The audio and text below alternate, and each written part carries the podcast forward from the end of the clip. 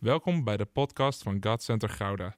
Vanaf deze plek willen we jou inspireren, motiveren en activeren om op een praktische manier je dagelijks leven met God vorm te geven.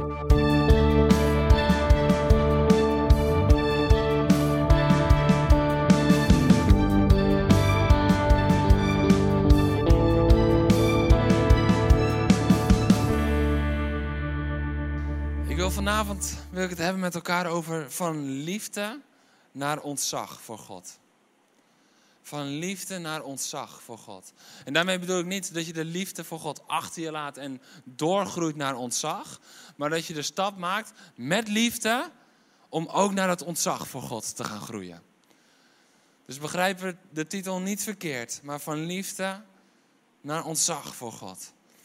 En ik moest even terugdenken aan afgelopen januari. Want vorig jaar zijn we begonnen met de titel Waar is het ontzag voor God? En toen hebben we gekeken, en ik vergeef het je als je dat niet meer helemaal weet, want dat was vorig jaar. Net aan vorig jaar. Een paar dagen geleden had ik nog kunnen zeggen, dat was dit jaar, maar nee. En dat ging over Deuteronomium 10.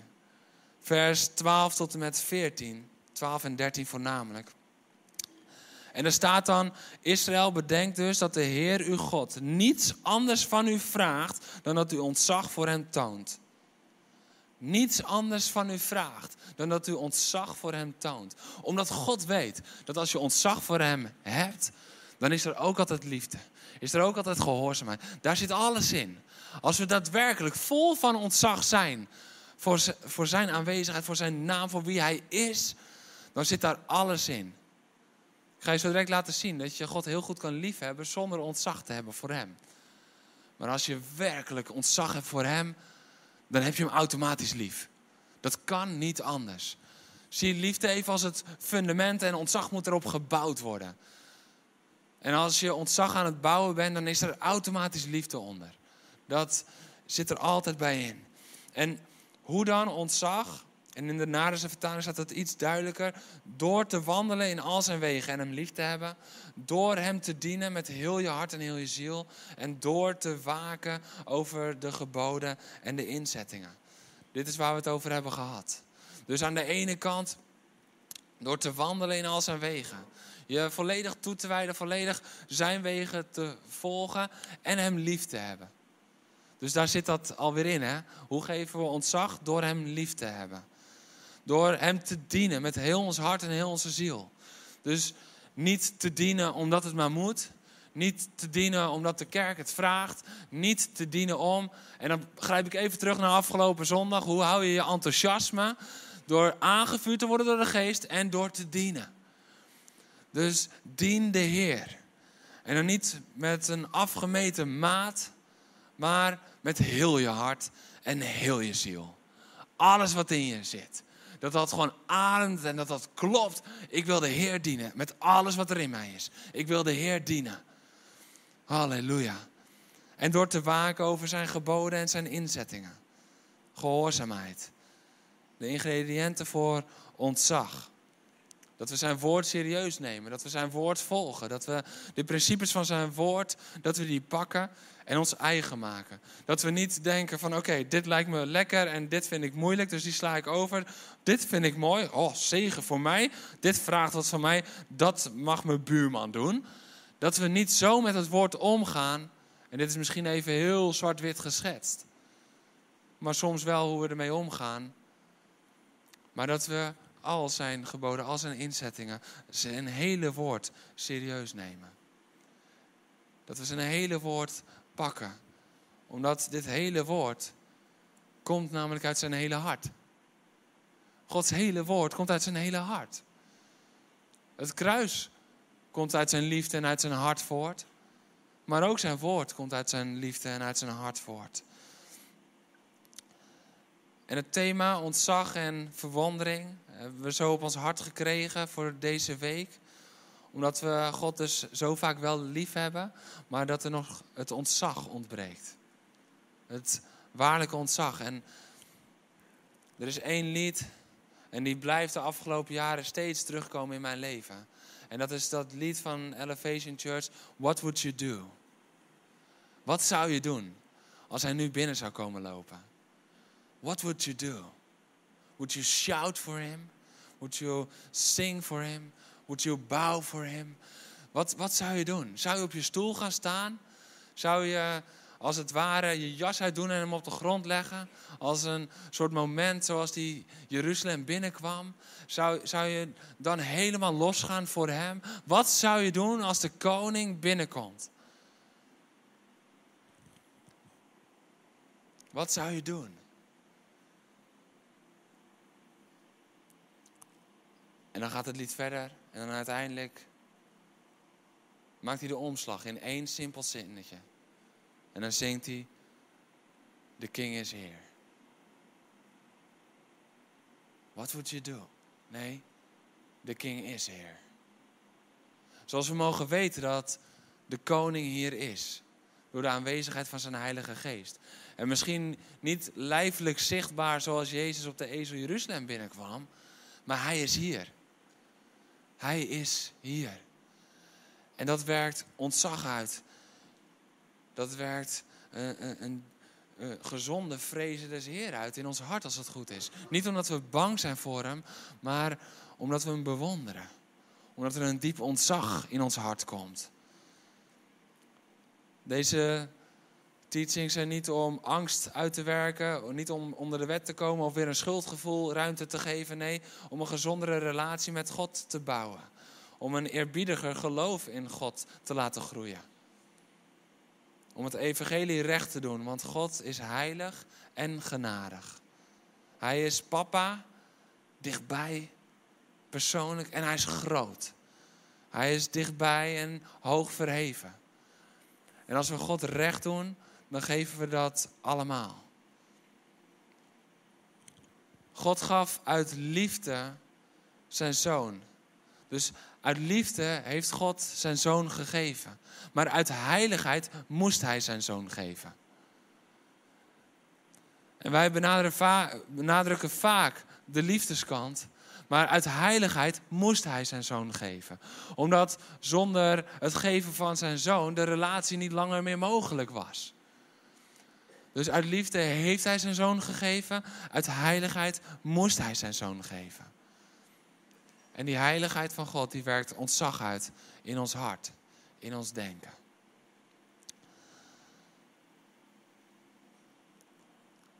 Van liefde naar ontzag.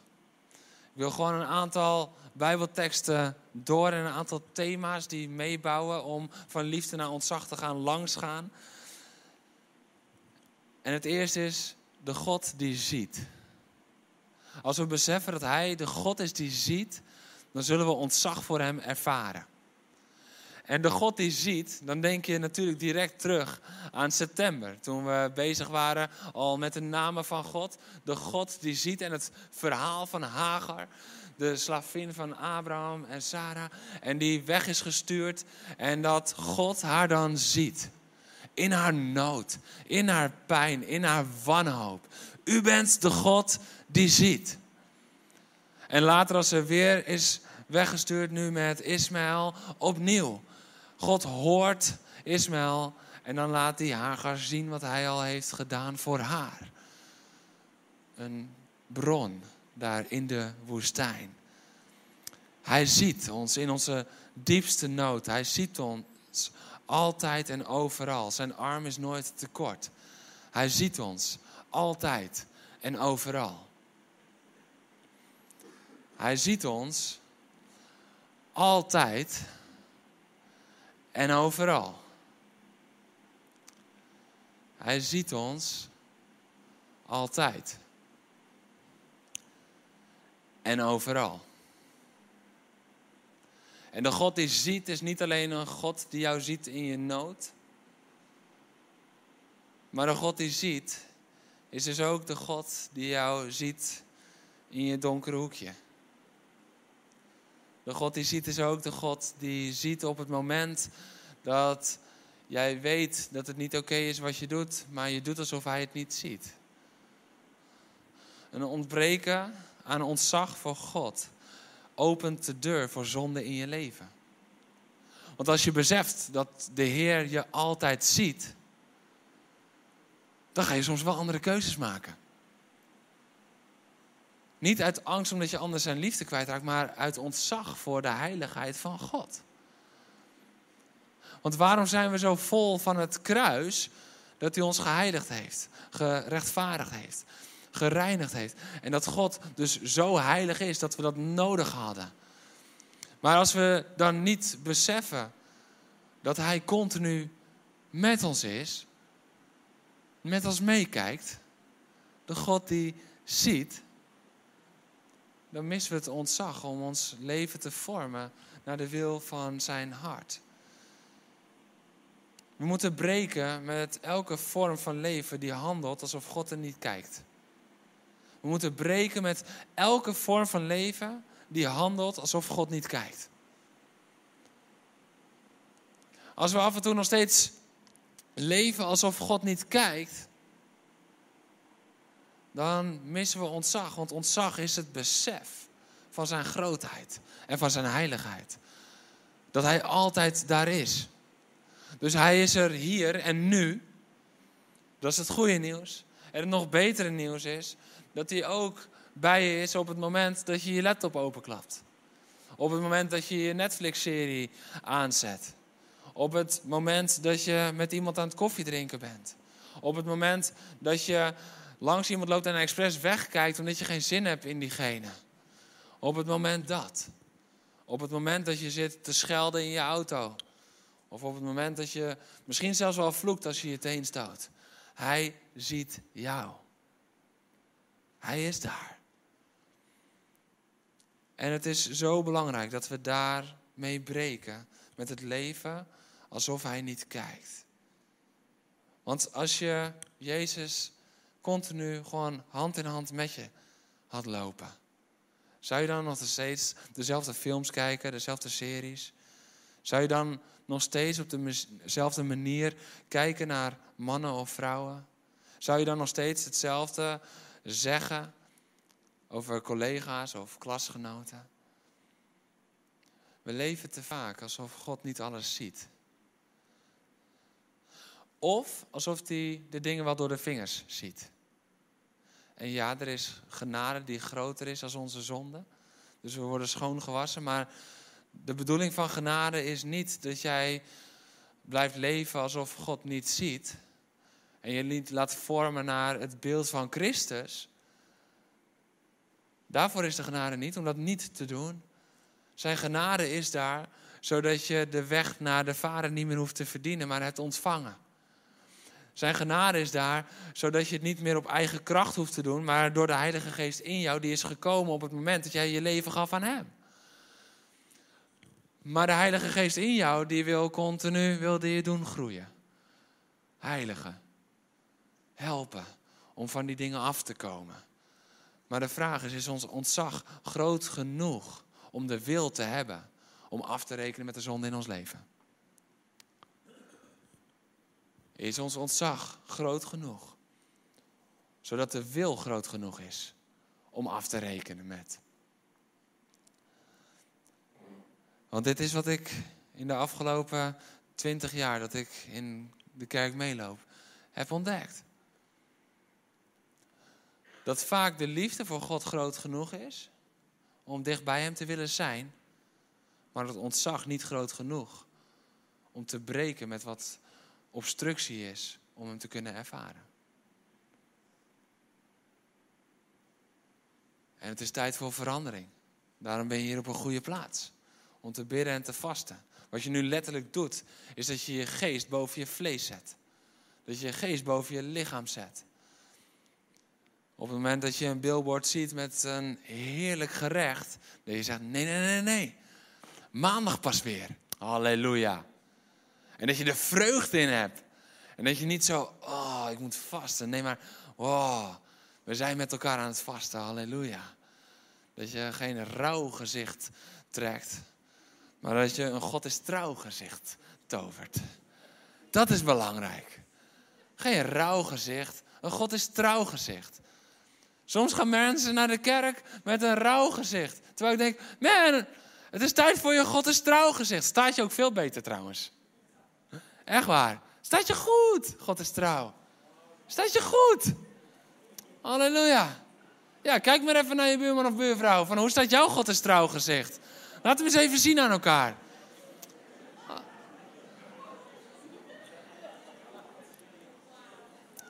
Ik zie sommige mensen die hebben acuut kramp in hun God is trouw. Ja, ja, ja. Als je thuis zit, stuur een selfie naar de info en dat laten we morgen zien. maar denken dat God ons niet ziet, maakt ruimte voor het vlees om corruptie in ons hart te openen. Dit zien we onder andere in het verhaal van Ananias en Safira. Dit is zo'n heftig verhaal. En het laat zo de heiligheid van God zien. Want weet je wat het is? Soms vergeten we dat God net zo heilig is in het Nieuwe Testament als in het Oude Testament. Soms denken we, ja, want daar liet hij zijn heiligheid zien en daar was het heftig en daar gevolgen op geboden en noem maar op. Maar hij laat het net zo in het Nieuwe Testament zien. Hij laat het net zo zien in de eerste gemeente. Op een gegeven moment in Handelingen 4 wordt dat geïntroduceerd. Is er een groep mensen die het geloof had aanvaard en ze leefden eendrachtig. En al hun bezittingen werden gedeeld. Velen verkochten ook wat ze hadden. En dan staat er in vers 36 van hoofdstuk 4. Een van hen was Jozef, een leviet uit Cyprus. Die van de apostelen de bijnaam Barnabas had gekregen. Wat in onze taal betekent zoon van vertroosting. Hij bezat een akker die hij verkocht, waarna hij het geld bij de apostelen bracht. Een zekere Ananias verkocht samen met zijn vrouw eveneens een stuk grond, maar hield een deel van de opbrengst achter. Ook zijn vrouw wist daarvan en hij bracht de rest van het geld naar de apostelen. Hij dacht, God ziet dit niet. Hij dacht, niemand die het ziet. Niemand die het ziet. En ik kom er goed uit op deze manier. Wat ik geef, ik geef en ik heb een akker verkocht. Maar God leert ons hier dat het uiterlijk vertoon doet hem niet zoveel. En het geld dat gebracht wordt, dat doet hem niet zoveel. Het hart waarmee het gebracht wordt, daar gaat het om. En als daar geen ontzag in is, dan wil God zijn geld niet eens. Dat is wat we hier zien. Let op wat er gaat gebeuren.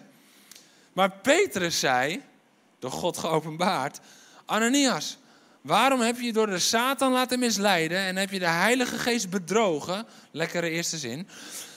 Door een deel van de opbrengst van je stuk grond achter te houden. En dan deze. Je had het immers niet hoeven verkopen. En nu, heb je het wel, nu je het wel verkocht hebt, had je de opbrengst toch kunnen, uh, met de opbrengst toch kunnen doen wat je wilde. Wat heeft je bezield om je zo te gedragen? Niet de mensen heb je bedrogen, maar God zelf. En bij het horen van deze woorden viel Ananias neer en stierf. Wow! De God van het Nieuwe Testament. Zijn we nog enthousiast vanavond?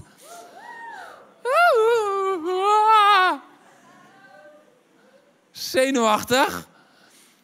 Maar dit is de God die we dienen. Die vol genade is, maar ook vol heiligheid. En wat als we het ontzag daarvoor missen, dan gaan we ons als Ananiasen gedragen. En dan komt er corruptie in ons hart. En dan zegt God dus, beter had je het gewoon niet gedaan. Beter had je het niet gedaan als dat je zegt dat je het helemaal hebt gedaan, maar je hebt een stukje voor jezelf gehouden. Beter doe je het gewoon niet. Ik vind het zo mooi. Peter zegt hier niet in eerste instantie, je had alles moeten geven. Hij zegt gewoon, je had het ook niet kunnen doen. Dat was beter geweest.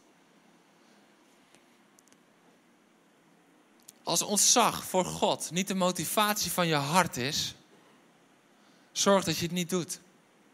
Wat je ook wil doen, doe het niet. Doe het niet. Maakt niet uit welke bediening, maakt niet uit welke taak, maakt niet uit welke plek. Doe het niet. Want het is gevaarlijk. Het opent de deur naar zonde in je leven. En zonde brengt de dood voort. Heel letterlijk in dit verhaal. Maar zonde brengt de dood voort. En weet je waarom ik weet dat er zo weinig ontzag is in de kerk van Christus? Omdat we allemaal denken we integraal bij dit verhaal, dat was de tijd van de Bijbel, dat doet God nu niet meer. Maar God is nog steeds dezelfde. God is nog steeds hetzelfde. Ik nodig hem nu niet uit om mensen dood te laten neervallen, zeker niet. Maar dit is na het kruis. Dit is na de opstanding. Dit is na de hemelvaart. En dit is na de Pinksterdag. Weet je wat mij dat zegt? Dat is in dezelfde tijd als vandaag. Maar dat we direct denken, want dat is er zo helemaal ingeslopen vanuit de tradities van de Nederlandse kerk, dat we gelijk denken van heftig, goed dat God een voorbeeld stelt, zodat wij er nu van kunnen leren. Nou, God is nog steeds net zo heilig. En hij verlangt nog steeds net zoveel ontzag van ons als dat hij op dat moment van Ananias had verwacht. Iedereen wie het ter oren kwam, schrok hevig. Enkele jonge mannen wikkelden hem in een lijkwade, droegen hem naar buiten en begroeven hem. Binnen ongeveer drie uur later kwam zijn vrouw binnen, die niet wist wat er gebeurd was. Petrus vroeg haar: Zeg me, heb je het stuk grond voor dit bedrag verkocht? Petrus geeft er nog een kans. Heb je het voor dit bedrag verkocht? Ja, voor dit bedrag, antwoordde ze. Daarop zei Petrus: Hoe heb je durven besluiten om de geest van de Heer te trotseren? Kijk, degene die een man begraven hebben, staan voor de deur. En ze zullen ook jou naar je graf dragen. Onmiddellijk viel ze aan zijn voeten neer en stierf.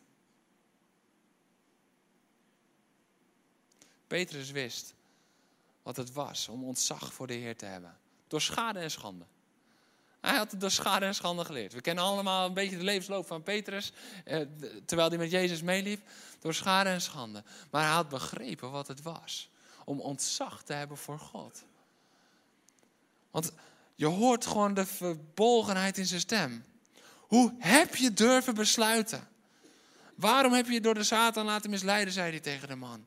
Je had het niet hoeven kopen, je hebt het wel gedaan. Wat heeft je bezield om je zo te gedragen? Wat heeft je bezield om je zo te gedragen? Weet je, ik geloof dat een kerk die vol van ontzag voor God is, daar durven we deze vraag aan elkaar te stellen.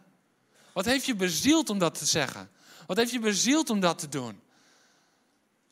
Wij denken tegenwoordig, je moet naast iemand gaan zitten, arm eromheen en zeggen, welke pijn in jouw hart heeft veroorzaakt dat je nu dit hebt gedaan?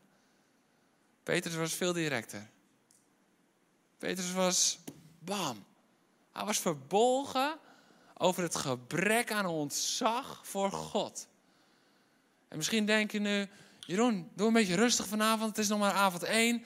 Nee, want ik merk een heilige verbolgenheid over het gebrek aan ontzag voor de levende God. De koning der koningen, die zijn zoon stuurde voor ons. Niet om ons alleen genade te geven en dat we lekker door konden gaan met allemaal ellende. Nee, om ons genade te geven en ons vrij te kopen, zodat we vrij zouden zijn van de wereld. En vol ontzag zouden leven met Hem en voor Hem. Dat is het hart van God. Toen de jonge mannen binnenkwamen, troffen ze haar dood aan. Ze droegen haar naar buiten en begroeven haar bij haar man. De hele gemeente en allen die ervan hoorden, werden door grote schrik bevangen. In de grondtekst staat daar, over hen kwam de vrezen des Heren. Het ontzag voor God. The greatly fear of God. Dat is wat daar staat. Dat is niet een angst van, ik ga nu wegkruipen voor. Nee, maar dat is een ontzag van, ik ga me helemaal geven aan. Als je denkt van, oh, maar ik word, ik weet nu niet, moet ik nou bang zijn voor God? Of nee, want angst kruipt weg. En de vrezen des Heren, die stelt je helemaal beschikbaar. Dat is het verschil, hè? Het is of dit, dit is angst voor God. En dit is the fear of God. Dit is het ontzag voor God. De vrezen des Heren. Dit is wat het uitwerkt. Dat je helemaal gaat geven. Niet dat je wegkruipt uit angst. Dat is nooit Gods bedoeling. Daarom is het ook vanuit het kruis dat we mogen leven. Vanuit zijn genade. Dat we niks meer hoeven te verdienen. Maar het is wel zijn verlangen dat we onszelf dan helemaal geven aan hem. Zoals hij zichzelf en ons gegeven heeft. Psalm 10, vers 11 schrijft over de dwaze dat hij denkt bij zichzelf: God vergeet het, wendt zijn blik af, ziet het niet. Dit is wat er vaak gedacht wordt. Oh, ja, God vergeet het. Hij wendt zijn blik af, hij ziet het niet. Jesaja 29, vers 15. Wie ziet ons? Wie weet wat wij doen? Dan hoor je weer de arrogantie eigenlijk van, van de mens. Dat ze denken dat ze het ongezien kunnen ten opzichte van God. Zou God ons zien? Zou God weten wat we doen? Ja. En zou die joinen? Zou die meedoen? Zou die zich verheugen? What would you do if you walked into the room? The king is here. Niet alleen in deze ruimte, maar waar je ook bent. Het gevolg was dat de vrees des Heren kwam over de hele gemeente, zegt vers 11. Over de hele gemeente. Dus van liefde naar ontzag. We hebben nodig het besef dat God kijkt. Dat God de God die ziet is. Het tweede is, ontzag haat de zonde. Ontzag neemt afstand. En dit is het verschil tussen liefde voor God en ontzag voor God. Je kan God liefhebben zonder de zonde te haten. Je kan God liefhebben en ondertussen de zonde blijven omarmen. Maar als er ontzag in je hart is, is er een diepe afkeer tegen zonde. Dan trek je dat gewoon niet. Dan word je er misselijk van. Dan wil je er ver vandaan blijven. Niet van de zondaar, want die willen we bereiken, maar van de zonde. Begrijp me niet verkeerd. Niet van de zondaar, maar wel ver van de zonde. Ik heb deze opgeschreven. Liefde voor God is, wij geven ons hart aan Hem. Dat doen we uit liefde voor God. Liefde voor God is, we geven ons hart aan Hem. Ontzag voor God is, we ontvangen Zijn hart in ons. Liefde, we geven ons hart aan Hem. Dat is wat we vaak ook kunnen uitzingen. Maar werkelijk ontzag is dat we Zijn hart willen ontvangen in ons. Dat Zijn hartslag de richting van ons leven mag bepalen. Zijn hartslag onze keuzes gaan bepalen. En dan beginnen we te houden van de dingen waarvan Hij houdt. En dan beginnen we de dingen te haten die Hij haat. En we nemen er afstand van. Dus liefde is, we geven ons hart aan Hem. Maar ontzag is dat we ontvangen zijn hart in ons. Spreuken 16, vers 22. Voor de schrijvers, schrijven snel op Spreuken 16, vers 22. Zegt, zonden worden toegedekt door liefde en trouw. Wie ontzag heeft voor de Heer, mijt het kwaad. Wil je dat de dingen in je leven worden toegedekt? Of wil je het vermijden? Zonden worden toegedekt door liefde en trouw. Halleluja. Maar ontzag, ontzag vermijdt het kwaad. Willen we vast blijven houden aan de zonde of willen we het mijden? Mag God ons vanavond aanspreken op waar we mee moeten breken? Of vragen we morgen om het toe te dekken? Want dit is het verschil tussen liefde en ontzag.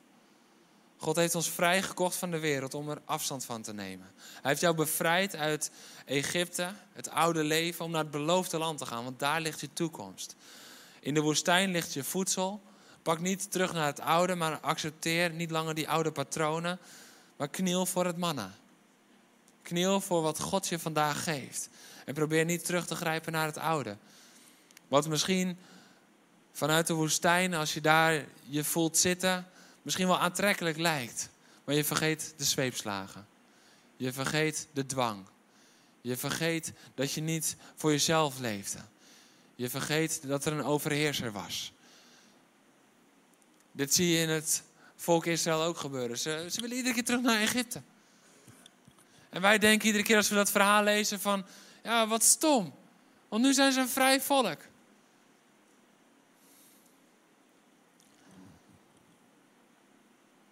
Maar we beseffen niet dat we zo vaak in ons hart en in ons handelen en in ons denken precies hetzelfde doen.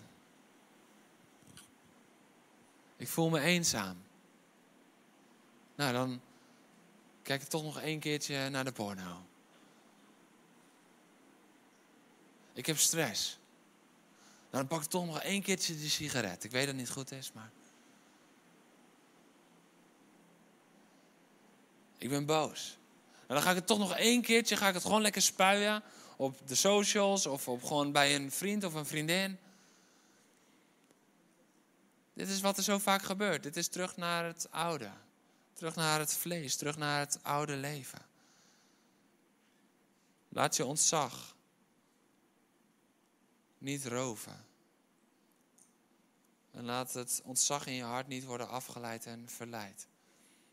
Tijdje geleden sprak Jan Paul hier. En ja, ik had deze getuigenis had ik al opgeschreven voor vanavond. Dus ik ga hem gewoon herhalen. Hij vertelde over de tv-evangelist in Amerika. Die keihard was gevallen. Hij was corrupt gebleken en hij was niet integer gebleken in zijn huwelijk en noem maar op. En dat werd landelijk nieuws. Het werd overal uitgemeten. Was zeg maar net zoals dat ze preken op tv waren, was dit nieuws ook op tv. En op een gegeven moment zei de Heer tegen John, een beveerde schrijver van het boek waar hij dat schrijft, een krachtige man van God in Amerika. Hij zei, ik wil dat je naar hem toe gaat. En John dacht van, hé, dit snap ik niet. Maar hij ging wel. En de vraag die hij aan de man stelde, aan de evangelist, is: hoe heb je zo je liefde voor Jezus kunnen verliezen? Hoe heb je zo je liefde voor God kwijt kunnen raken? En hij schrijft dan dat de evangelist hem aankijkt en dat hij zegt: Ik heb elke dag mijn liefde voor Jezus behouden.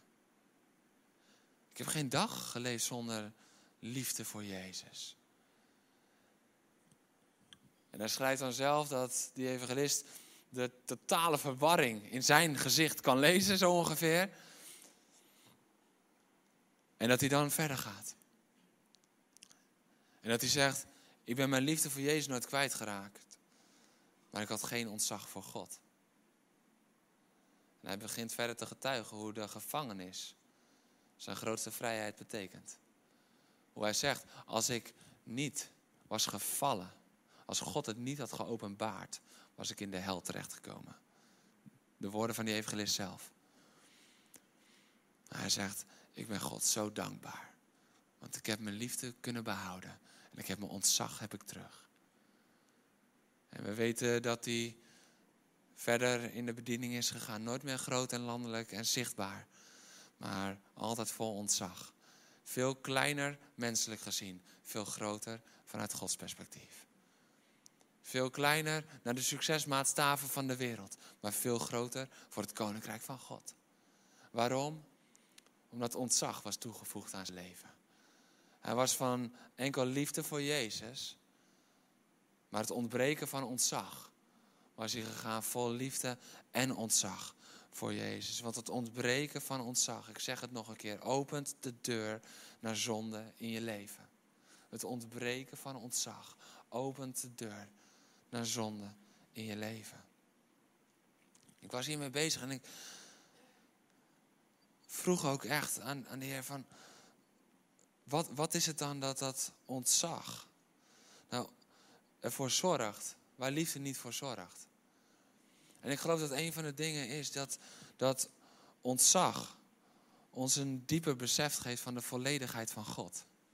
Dat als we alleen in de liefde blijven wandelen, dat we een facet van God zien. Maar dat is niet het facet wat het krachtigste werkt om heiliging uit te werken. Want dat is het ontzag. De liefde heeft ons geheiligd. Ontzag heiligt ons. De liefde heeft ons gerechtvaardigd. En ontzag maakt dat we rechtvaardige daden zullen doen.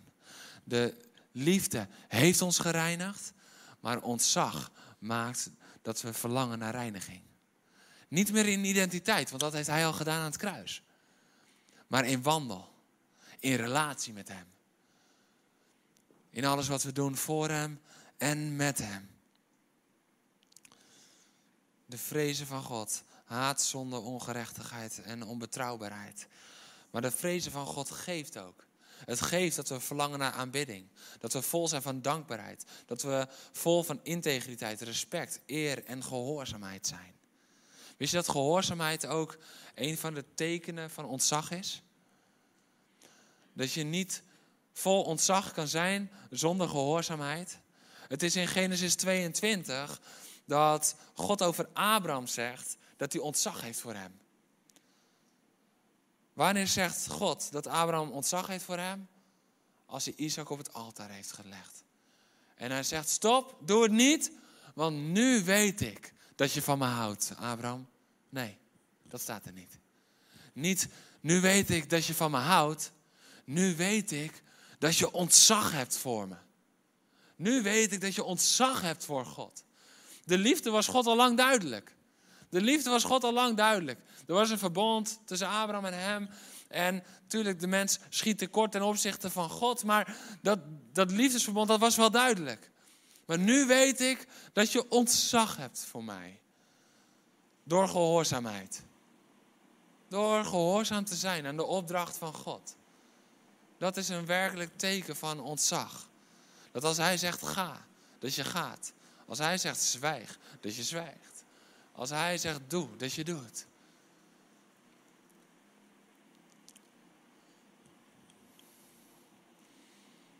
Niet alleen liefde, maar ook ontzag.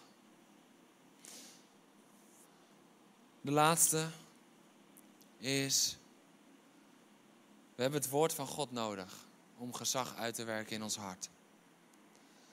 En het woord van God moet dan weer de plek krijgen in ons leven dat het toebehoort. Het kan niet alleen fijn zijn om er af en toe in te lezen en af en toe naar te luisteren. Nee, het moet de volledige richting van ons leven bepalen. Moet volledig de kaders van ons leven uitzetten. Dat is waartoe het woord is gegeven. Dat is waartoe God zijn woord heeft gegeven. Want misschien denk je inmiddels van oké, nou mooi, het is hoe meer, we moeten meer ontzag hebben voor de Heer. Um, maar hoe dan? Is er ook een knopje om dat ontzag aan te zetten? Nou, nee. En ja.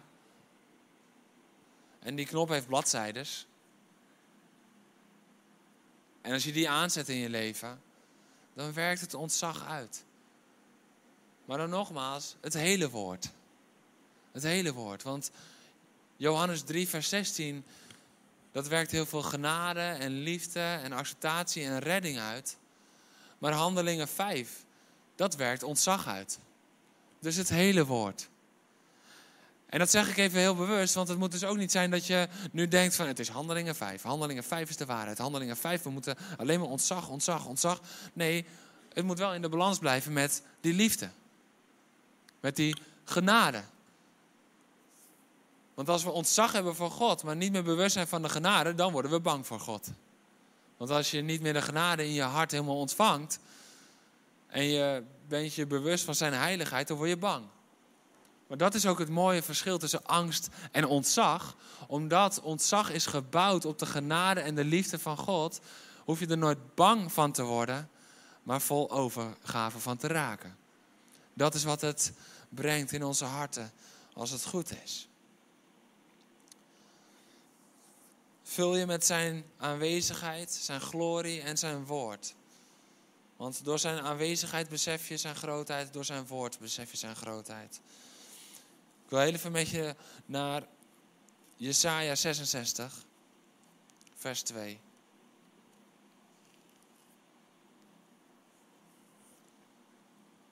Daar staat, dit alles heb ik met eigen handen gemaakt.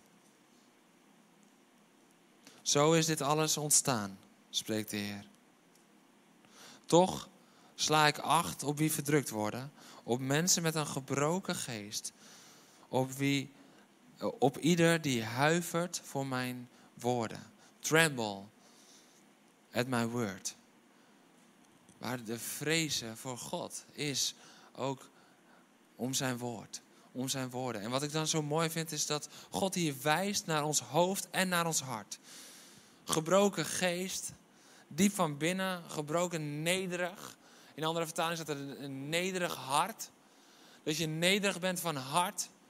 Maar tegelijkertijd ook dat je huivert voor zijn woord. Hart en hoofd worden samen aangesproken als het gaat om ontzag.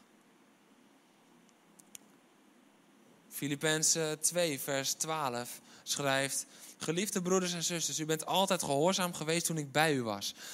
Wees het des te meer nu ik niet meer bij u ben. Blijf u inspannen voor uw redding. En doe dat in een diep ontzag voor God. Nou, blijf u inspannen voor uw redding. In de vertaling in het Nederlands, dan zou je bijna kunnen denken: hoe moet ik me blijven inspannen om gered te blijven? Dat is niet wat daar staat. Daar staat dat we uh, mogen uh, work out your salvation. Dus werk uit je redding. Breng de vruchten voort van je redding. En doe dat met groot ontzag. Met diep ontzag. Doe dat met diep ontzag.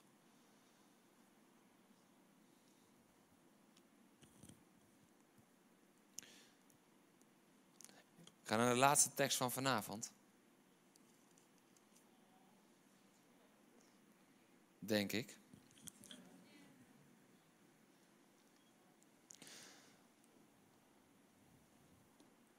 En we zijn bij ontzag voor Gods woord. Het is de eerste keer in maanden dat ik niet heb gezegd: laten we gaan staan voor het woord van God. Dat is even een confrontatiemomentje. In liefde. Ik lach er lief bij, oké? Ja? En er is niemand die gaat staan. Staan we uit ontzag voor Gods woord? Of omdat we denken dat het erbij hoort? Omdat het moet. We proberen hier een cultuur te bouwen dat we staan voor Gods woord en we zeggen er zo vaak bij, uit ontzag voor zijn woord. Maar Heer, laat het ontzag in de harten vallen vanavond. En niet bij de oren blijven hangen. Dat zodra we het niet horen, dat we het niet doen. Want werkelijk ontzag voor God heeft geen opdracht op het gegeven moment meer nodig om te doen waarvan je weet dat God het waardeert. God het vraagt. Dus laten we gaan staan voor het woord van God in een moment van ontzag. Psalm 112.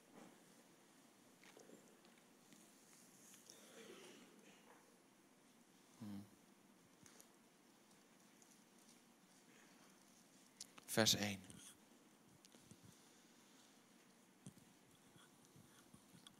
Ja, of mag ik jou alvast uh, erbij vragen? Je mag nog meelezen hoor, ga daarna maar. Gelukkig de mens met ontzag voor de Heer. En met liefde voor zijn geboden.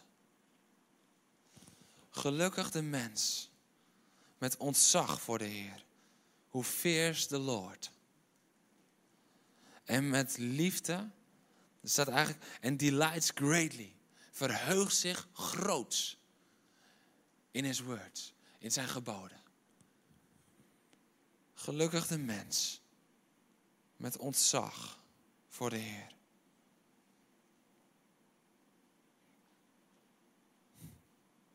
Als je denkt, hoe word ik gelukkig? Ontzag voor de Heer.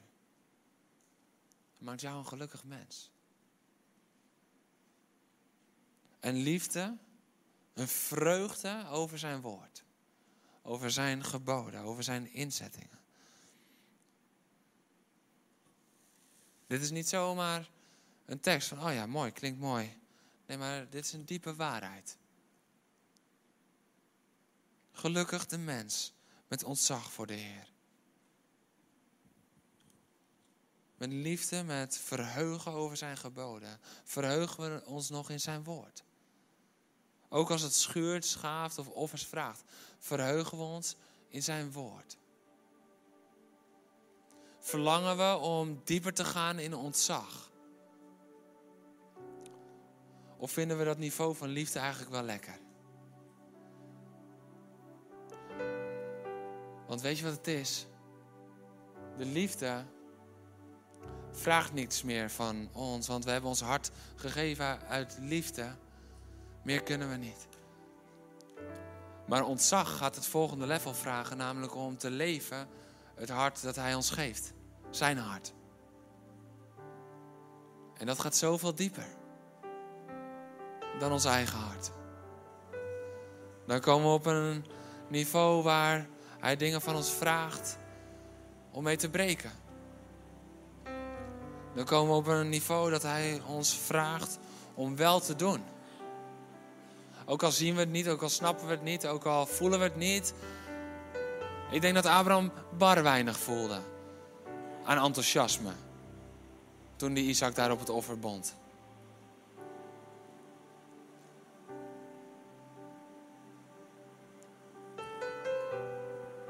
Maar hij deed het. Uit ontzag. Want op dat moment was zijn liefde voor God niet genoeg, maar moest ontzag daarmee samengaan. Anders kon God niet zeggen dat door die daad zijn ontzag zichtbaar was geworden. Ontzag voor de Heer was de grote drijfveer tot gehoorzaamheid. Ontzag voor de Heer is voor jouw leven de grote drijfveer tot gehoorzaamheid. Niet alleen liefde voor Jezus, maar ontzag voor Hem drijft ons tot gehoorzaamheid. Dat zegt dat we willen gaan waar Hij ons ook zendt. Dat ontzag dat maakt dat we bereid zijn om een prijs te betalen die geen mens logisch vindt. Waarvan iedereen denkt, van, maar dat is toch niet goed? Dat God zegt, ja maar het is God. Een van de grootste vijanden van God is het woordje goed. Het is één letter te veel. Wij meten van, voelt dit goed? Nee, de vraag is, ervaar ik God? De vraag is niet, voelt dit goed? Is dit goed? Nee, is dit God? Want ik kan je een hele lijst geven waar je je hele leven mee kan vullen, wat prima goed is. Maar de vraag is, is het God? Want als het God niet is, dan zitten er andere drijfveren achter. Ook als je het goede doet. En dan begint het vaak heel goed, maar het eindigt in tranen. Want ontzag houdt je hart zuiver. De liefde daar aan het kruis heeft je hart gezuiverd.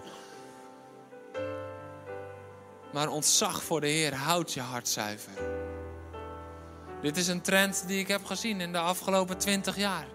Iedere keer als ik grote mannen en vrouwen van God zag vallen, dan bevestigde dat wat John Bevere heeft opgeschreven. Ze houden nog net zoveel van Jezus, maar het ontzag is geroofd. En het grote probleem van de mens is dat waar het ontzag voor God afneemt, dat het ego van de mens weer toeneemt. Want dan is het niet meer meer van u en minder van mij, maar dan wordt het minder van hem en meer van mij. Dus waar ontzag begint af te nemen, begint ons eigen ego, onze eigen ambities, onze eigen wil, onze eigen comfort, begint weer te stijgen.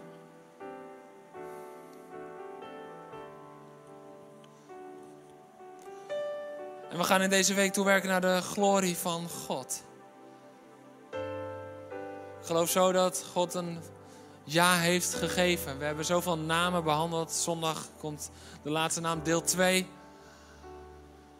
Omdat we hem eerst dieper moeten leren kennen in wie hij helemaal is. Voordat we zijn glorie ook daadwerkelijk kunnen ontvangen. Want zijn glorie is namelijk zijn komst in wie hij helemaal is. Zijn glorie is niet het gedeelte, oké, ik ben de Heer, je herder. Of ik ben alleen de God die ziet. Nee, zijn glorie is de volle aanwezigheid van God. Maar is ons hart klaar voor die volle aanwezigheid van God? Zijn we er klaar voor? Zijn we er klaar voor om Hem echt te ontmoeten in hoe Hij helemaal is? In liefde en in ontzag. Dat we vreugde hebben over Zijn woord. Dat we vreugde vinden in Zijn heiligheid. Dat de tranen over onze wangen rollen. Omdat we beseffen hoeveel fout we hebben gemaakt. En dat we niet schuldgevoel tranen, maar diep besef tranen van Heer, U heeft voor mij daar aan het kruis. In uw heiligheid. Zoveel meer gedragen dan ik besef. zoveel meer gedragen. En niet dat we het helemaal kunnen beseffen, maar dat we vol ontzag aan zijn voeten neervallen. Dat we vol ontzag zijn. En, en niet anders willen als in zijn aanwezigheid zijn. Zijn woord tot ons nemen en dan vrucht dragen op de plek waar hij ons heeft gesteld.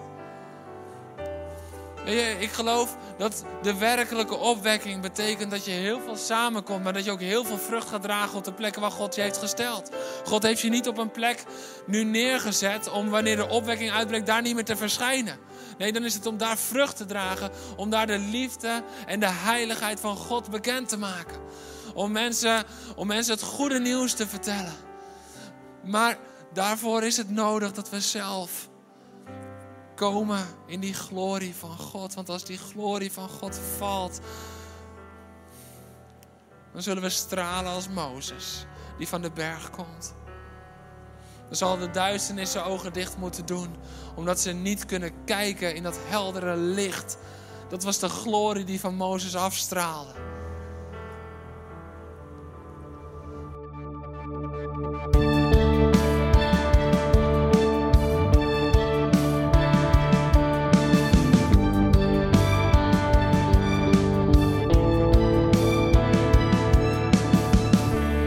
Bedankt voor het luisteren naar deze podcast.